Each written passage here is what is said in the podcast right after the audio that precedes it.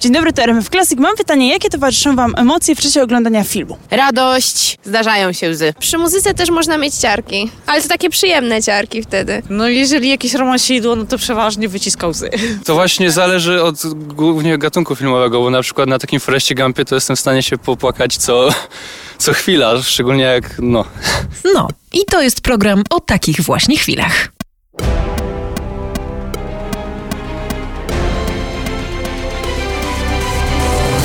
Zagraj to jeszcze raz. Czyli o fenomenie muzyki filmowej.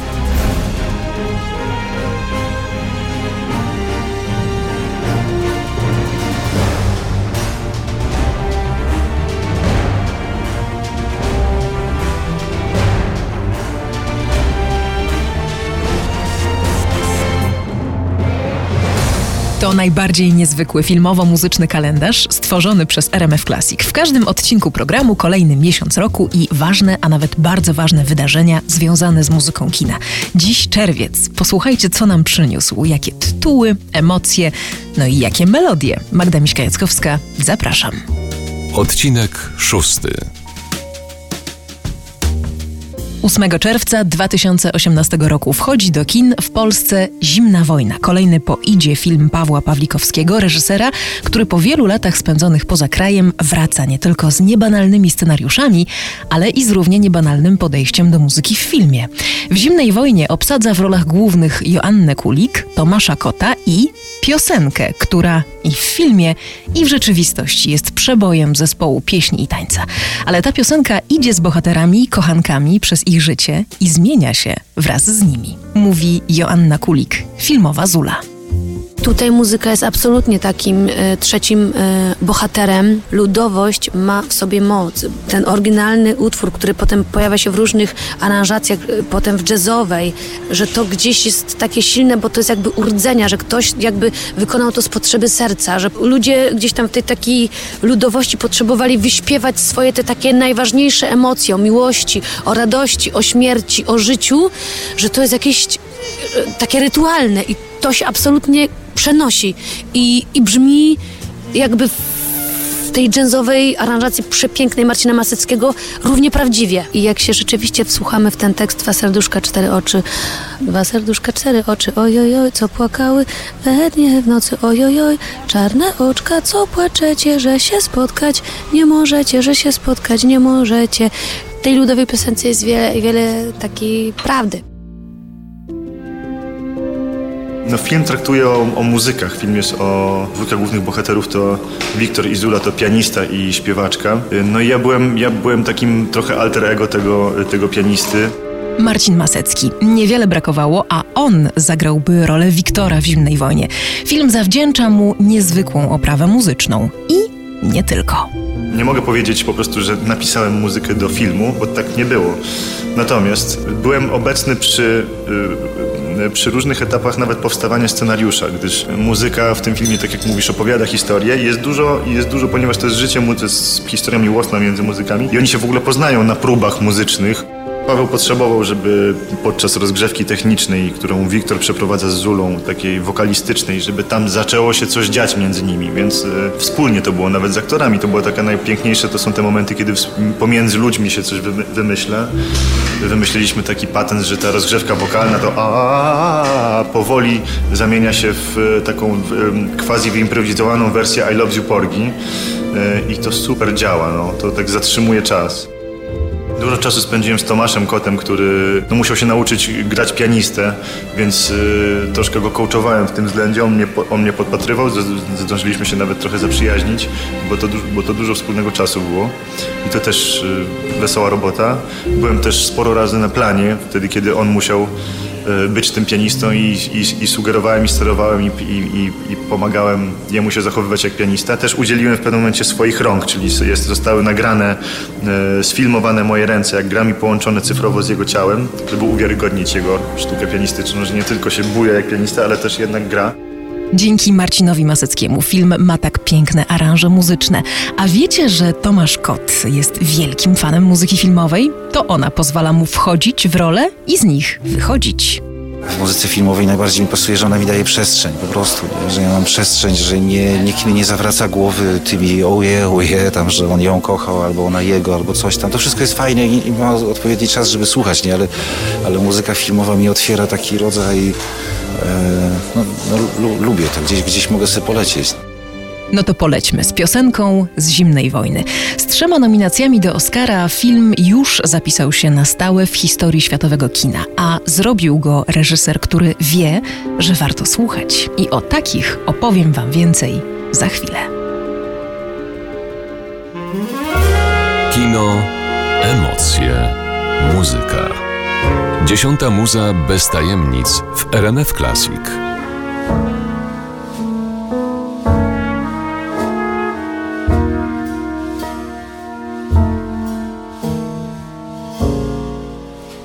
Dwa serduszka, cztery oczy, ojojoj.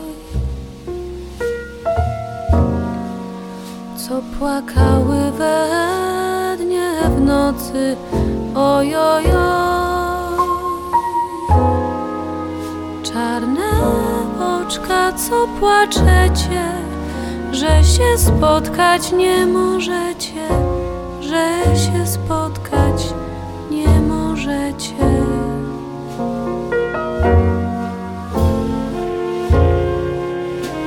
Kiedy chłopiec chory miły, ojojoj. I któż by miał tyle siły, ojojoj. Kamienne by serce było, żeby chłopca nie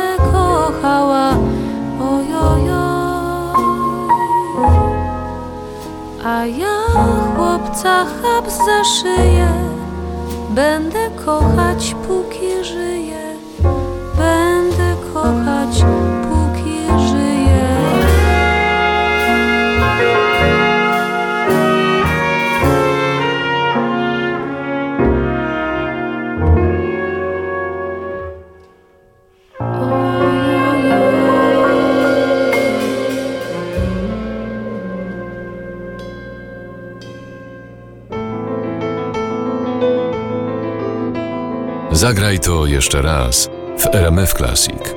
O fenomenie muzyki filmowej opowiada Magda Miśka-Jackowska.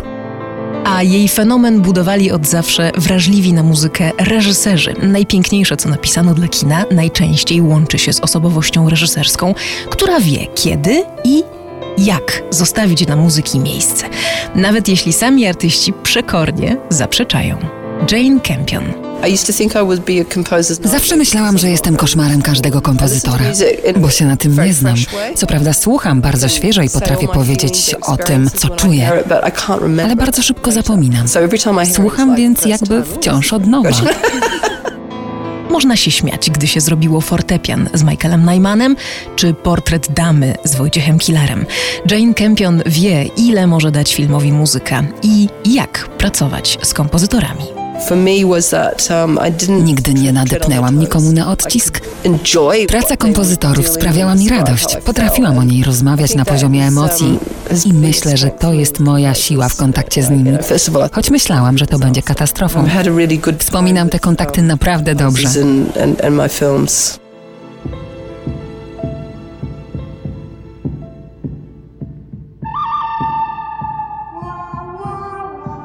Panie, panowie, maestro Ennio Morricone, kompozytor, który wyznaczył ścieżki dla kolejnych pokoleń muzyków.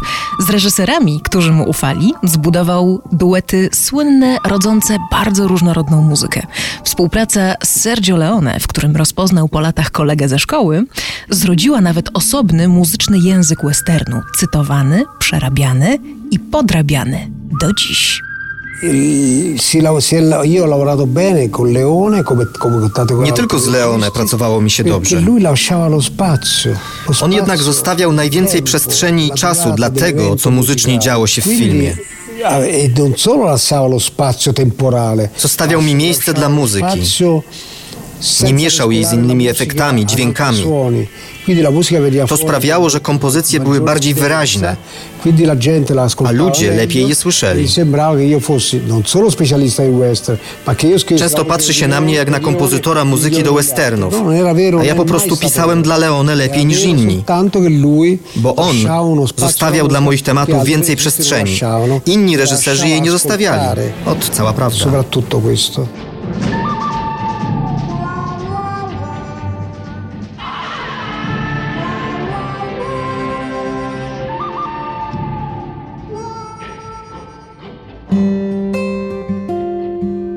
Wierzy Pani w siłę i potęgę duetów, kompozytor, reżyser? Mamy trochę takich. W Stanach Zjednoczonych mają ich, ich więcej. Spielberg, Williams na przykład. W Stanach Zjednoczonych to jest zupełnie inna sprawa, dlatego że oni mają takie schematy, według których ta muzyka jest komponowana, prawda? Więc tam się wszystko formatuje. U nas tego nie ma, u nas jest bardziej reżyserskie kino. E, czy ja wierzę w takie duety?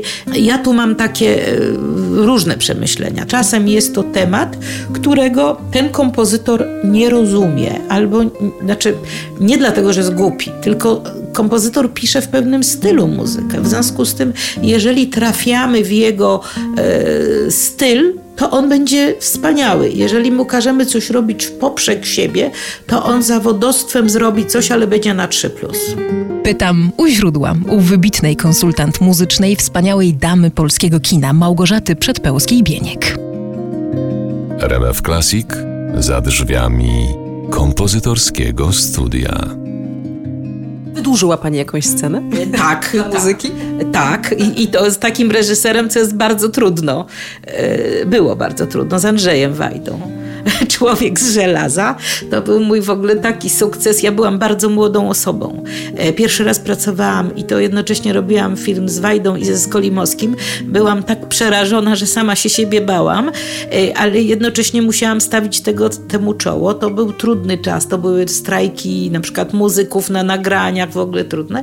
I montowałam z, z panem Andrzejem tam jakąś scenę. Janda widzi, widzi na, na dworcu Radziwiłowicza, tak? I do niego biegnie, tak? I tam nam zostawało jakby druga połowa tej muzyki. I ja e, oglądałam e, Człowieka z marmuru w wersji przed pocięciem e, przez cenzurę. I mówię, panie Andrzeju, a pan miał taką scenę, jak ona poszła na cmentarz i zostawiła kwiaty, bo cmentarz był zamknięty. I reżyser tak na mnie popatrzył. Mówi, słuchaj, ale ja to mam telefon do, do kierownika produkcji, do, do Basi Ślesickiej. Mówi, Basia, wyślij do mnie do domu taksówkę. Pod łóżkiem leżą, leżą materiały i przywieźcie mi rolki z człowiekiem z marmuru, z tej niepociętej wersji, bo my musimy tu coś przymierzyć.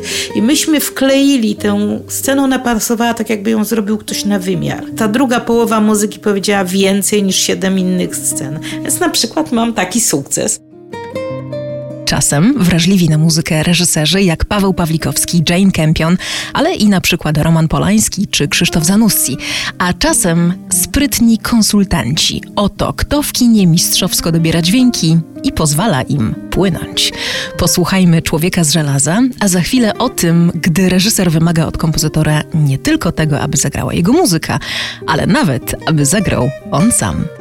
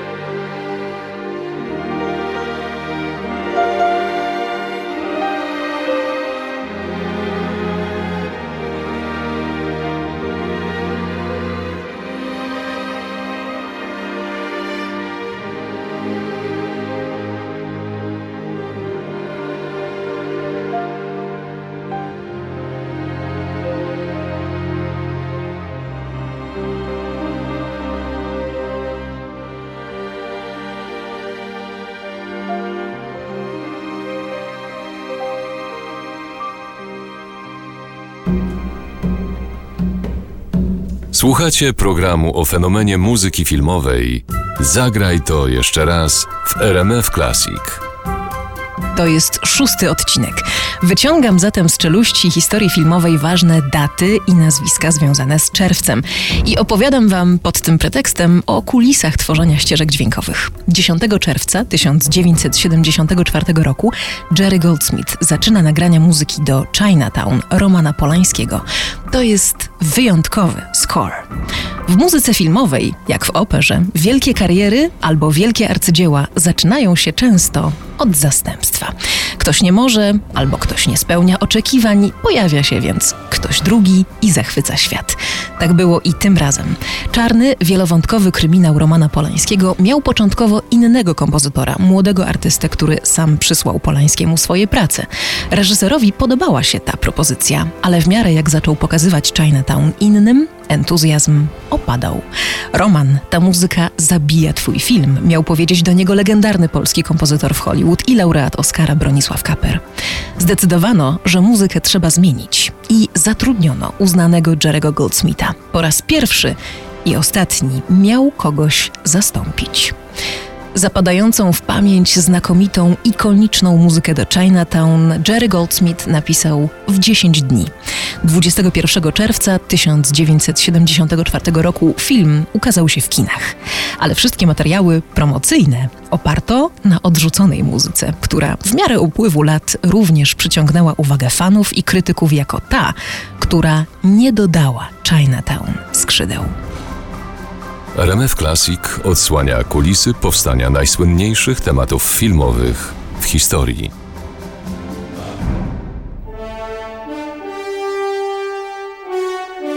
Chcę Wam jeszcze pokazać Jerego Goldsmitha, kompozytora Chinatown i Star Treka, artystę niepozbawionego poczucia humoru z nieco innej strony i dosłownie na ekranie.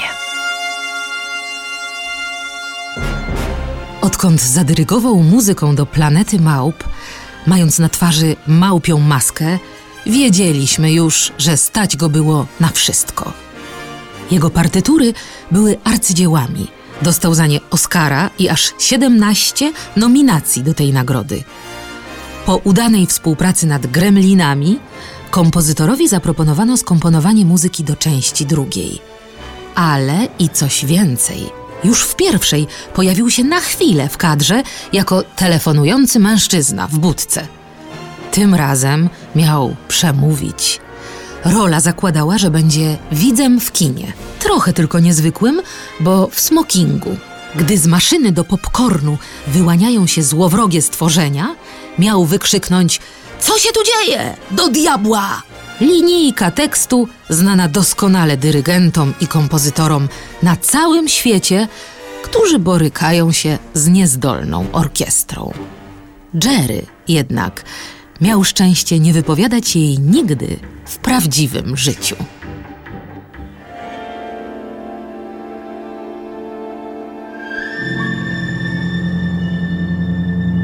Słuchamy Chinatown, a w programie zaraz o muzycznej perswazji. Spokojnie, obędzie się bez noży.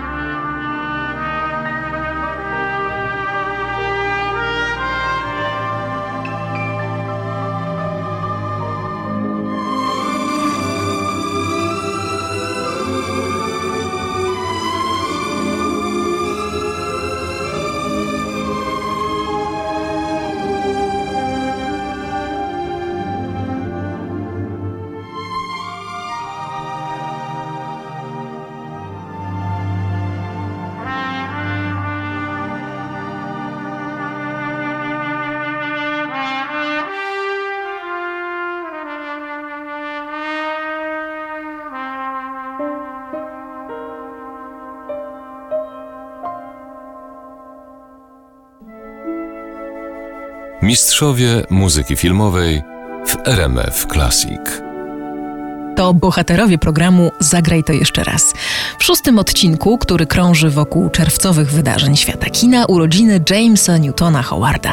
Urodził się w Los Angeles, grał w zespole Eltona Johna, a potem pokazał, że znakomicie wyczuwa film i to w różnych gatunkach. Od romantycznych komedii jak Pretty Woman przez thrillery, horrory, aż po kina fantazy. Co wyróżnia jego styl?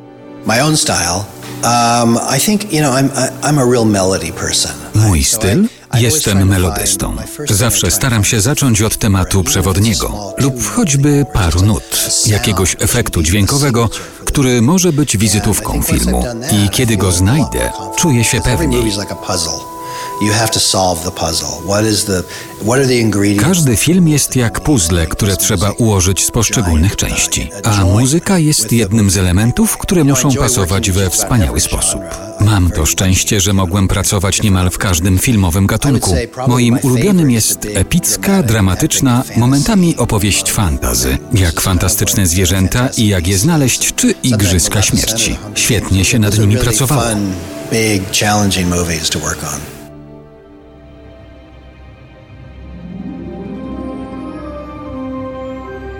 Jak wpłynąć na widza? Oto jest pytanie. Psychologowie muzyki mają na nie odpowiedź. Maria Hełkowska-Zacharewicz zawodowo zajmuje się badaniem emocji na granicy muzyki i kina. No melodia oczywiście, że ma znaczenie, ponieważ badania pokazują, że już nawet abstrahując od wywoływania emocji, ale ekspresja emocji w muzyce zależy właśnie od tego, jak melodia jest prowadzona, czyli na przykład e, skoczna, ruchliwa, z dużymi zmianami tona, e, tonalnymi, e, no to tam będzie raczej ona kojarzona z radością, z kolei taka powolna melodia, czyli tam znaczy, no, nie tyle melodia, co rytm, bo to oczywiście no, chodzi o te wszystkie elementy muzyki, które się pojawiają, ale płynnie, wolno i nie zmienia się zbyt bardzo, jeżeli chodzi o wysokości, to ona będzie z kolei skojarzona ze smutkiem. Inne e, struktury będą kojarzone ze złością, więc e, to, to też oczywiście będzie miało znaczenie. Natomiast myślę, że to, co e, ci najwięksi kompozytorzy muzyki filmowej potrafią zrobić, to wykorzystać wszystko, od melodii poprzez harmonię, instrumentację, połączenie tego wszystkiego ze sobą, no jeszcze zestawienie tego co do sekundy wydawałoby się e, czasami z, z, z, obrazem filmowym, bo czasami rzeczywiście ma się takie wrażenie, że ta muzyka jest linearnie z obrazem. Kompozytorzy mówią, że w scenie prostej rozmowy między dwójką bohaterów potrafią zasugerować widzowi, po czyjej stronie ma stanąć. Czy to możliwe? Tak, no badania pokazują, że jeżeli mamy na przykład ambiwalentną scenę, czyli taką, gdzie no nie do końca wiadomo, czy to idzie w dobrą stronę, czy w złą stronę, czy tutaj mamy jakiegoś właśnie złoczyńcę a, albo jakiegoś dobrego ducha. To jest dobre, jak to złe. Tak, e, to tutaj muzyka e, ma najwię największe znaczenie, ponieważ jeżeli scena jest wyrazista sama w sobie, to ona nie potrzebuje muzyki i e, muzyka niewiele zmieni, przynajmniej tak badania pokazują. Ale jeżeli właśnie scena jest ambiwalentna, ma jakieś takie niedopowiedzenia, to muzyka rozwiązuje wszelkie wątpliwości. A żeby wątpliwości rozwiewać jeszcze lepiej, kompozytorzy mają do dyspozycji całą gamę sztuczek. Kryją się w użyciu instrumentów, żonglowaniu efektami, ale za każdym razem, gdy o te sekrety pytam, widzę tylko tajemniczy uśmiech. Carter Barwell, ulubiony kompozytor braci Cohen.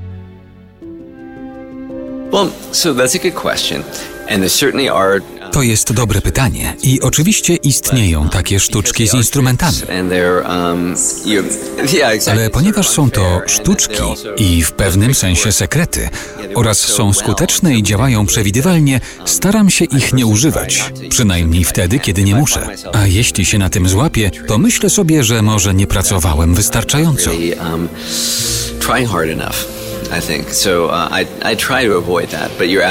Staram się naprawdę tego unikać, ale to prawda, że pewna tradycja, język, które powodują określone emocje. I jest to część języka muzyki filmowej. Przypomnijcie sobie napisane doskonałym językiem Igrzyska Śmierci z gościnnym udziałem Jennifer Lawrence, a potem wracamy z opowieścią o tajemniczym efekcie Vertigo.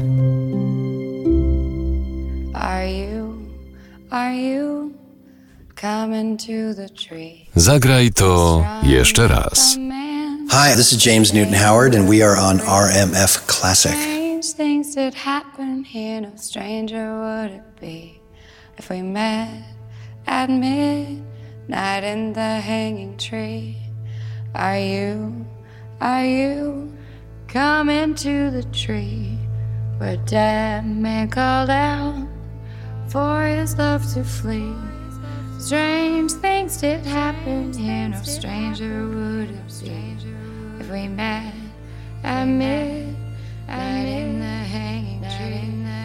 Are you, are you, are you coming to the tree where I told you to run so we'd both be free? Strange things did happen here, no stranger would it be if we met at midnight in the hanging tree. Are you, are you coming to the tree where necklace of hope side by side with me? Strange things did happen here, no stranger would it be if we met at midnight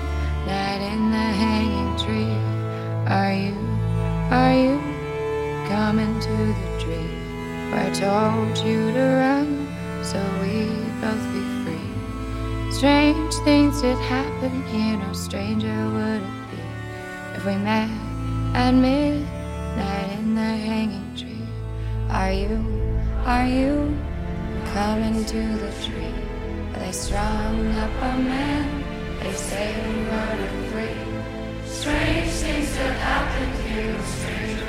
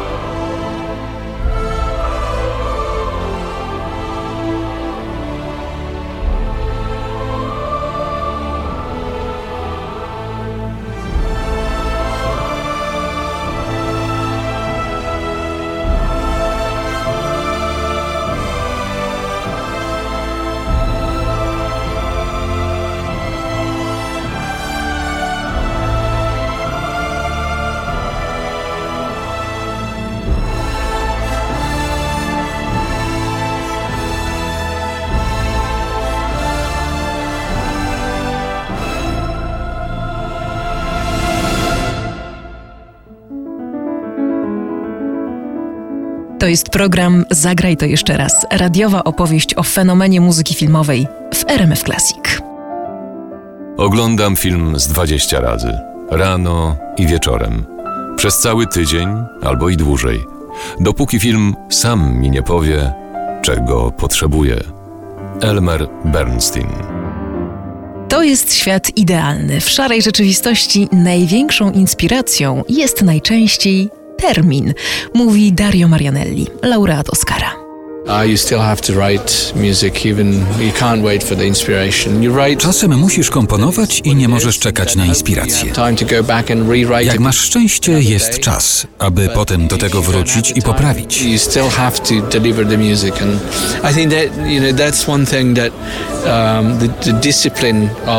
Dyscyplina jest bardzo ważna. Respektowanie deadline'ów. Dostarczanie pracy na czas. Jakie ma znaczenie, że piszesz piękną muzykę, jeśli nie dostarczysz jej na czas?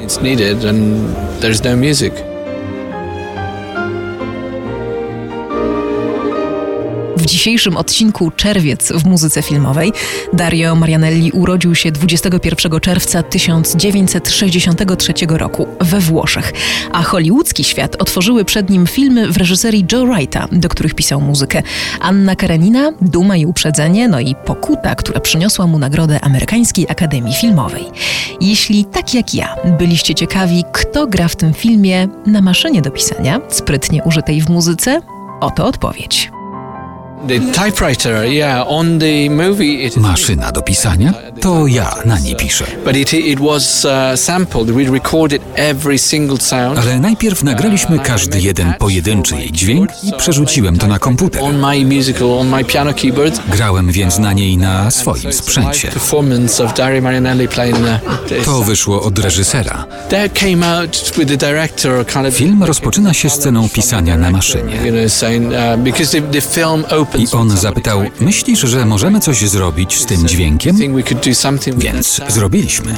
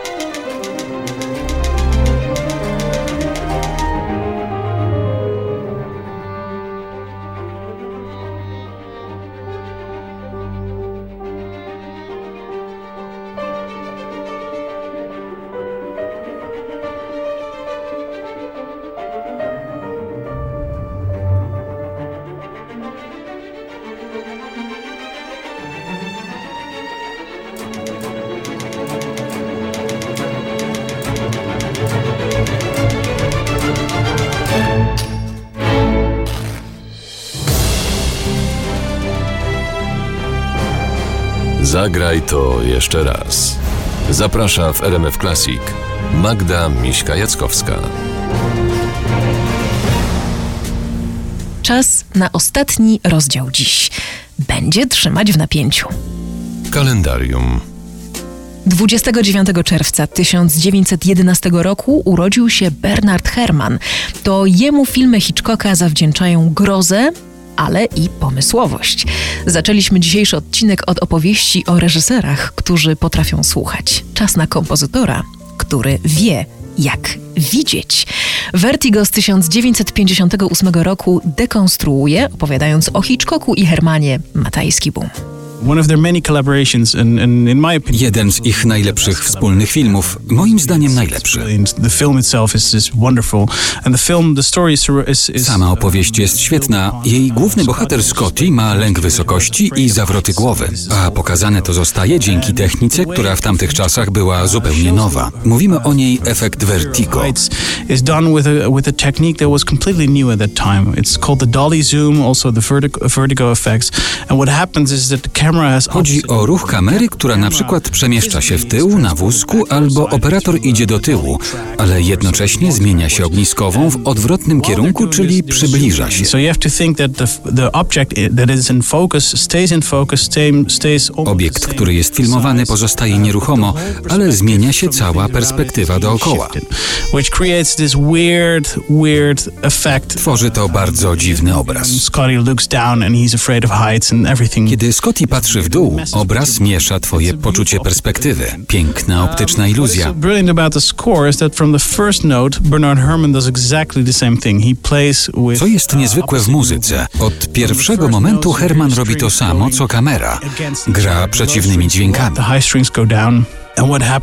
you have the exact same Słychać jak wysokie smyczki idą w górę, ale jednocześnie niższe idą w dół. Somehow this works beautifully together because you have one-on-one camera. To ten sam efekt. Razem gra to znakomicie.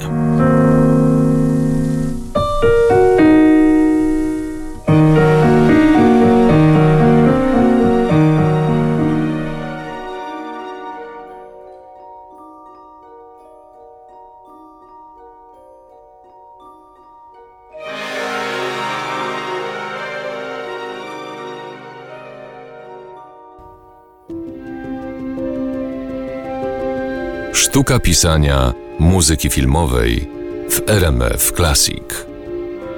A na finał emocje. Szósty czerwcowy odcinek programu kończymy wypływając w ostatni rejs Titanikiem. 22 czerwca 2015 roku w wypadku lotniczym ginie James Horner, kompozytor wielkiej przygody i wielki romantyk, laureat dwóch Oscarów, autor muzyki do Awatara, filmów Braveheart i Apollo 13. Zawsze na posterunku, gdy trzeba było połączyć obraz i melodię. Jeden z fragmentów do Titanica, ten, e, kiedy Jack szkicuje Rose, zagrał na fortepianie Sam Horner na brudno i zasugerował reżyserowi zatrudnienie jakiegoś znakomitego pianisty. Ale James Cameron powiedział, że zostawi tę muzykę tak, jak została nagrana. W tej intymnej scenie Horner sam dotyka klawiatury fortepianu. Pomyślcie o nim ciepło, słuchając Titanica. Został w chmurach na zawsze.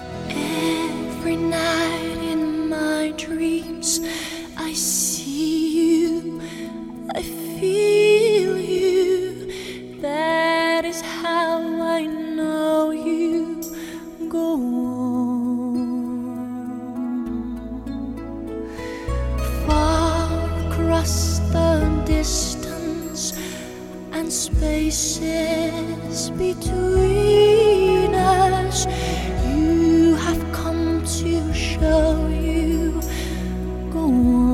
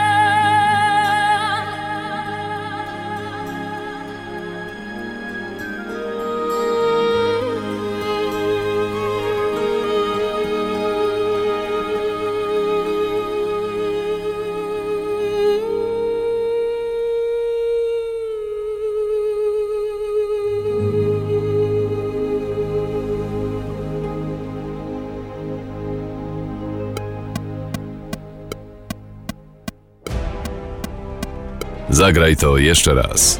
W RMF Classic. Scenariusz, Magda Miśka-Jackowska, współpraca, Anna Sułkowska, Matajski Bum, produkcja. Michał Woźniak. Czytał Piotr Borowiec.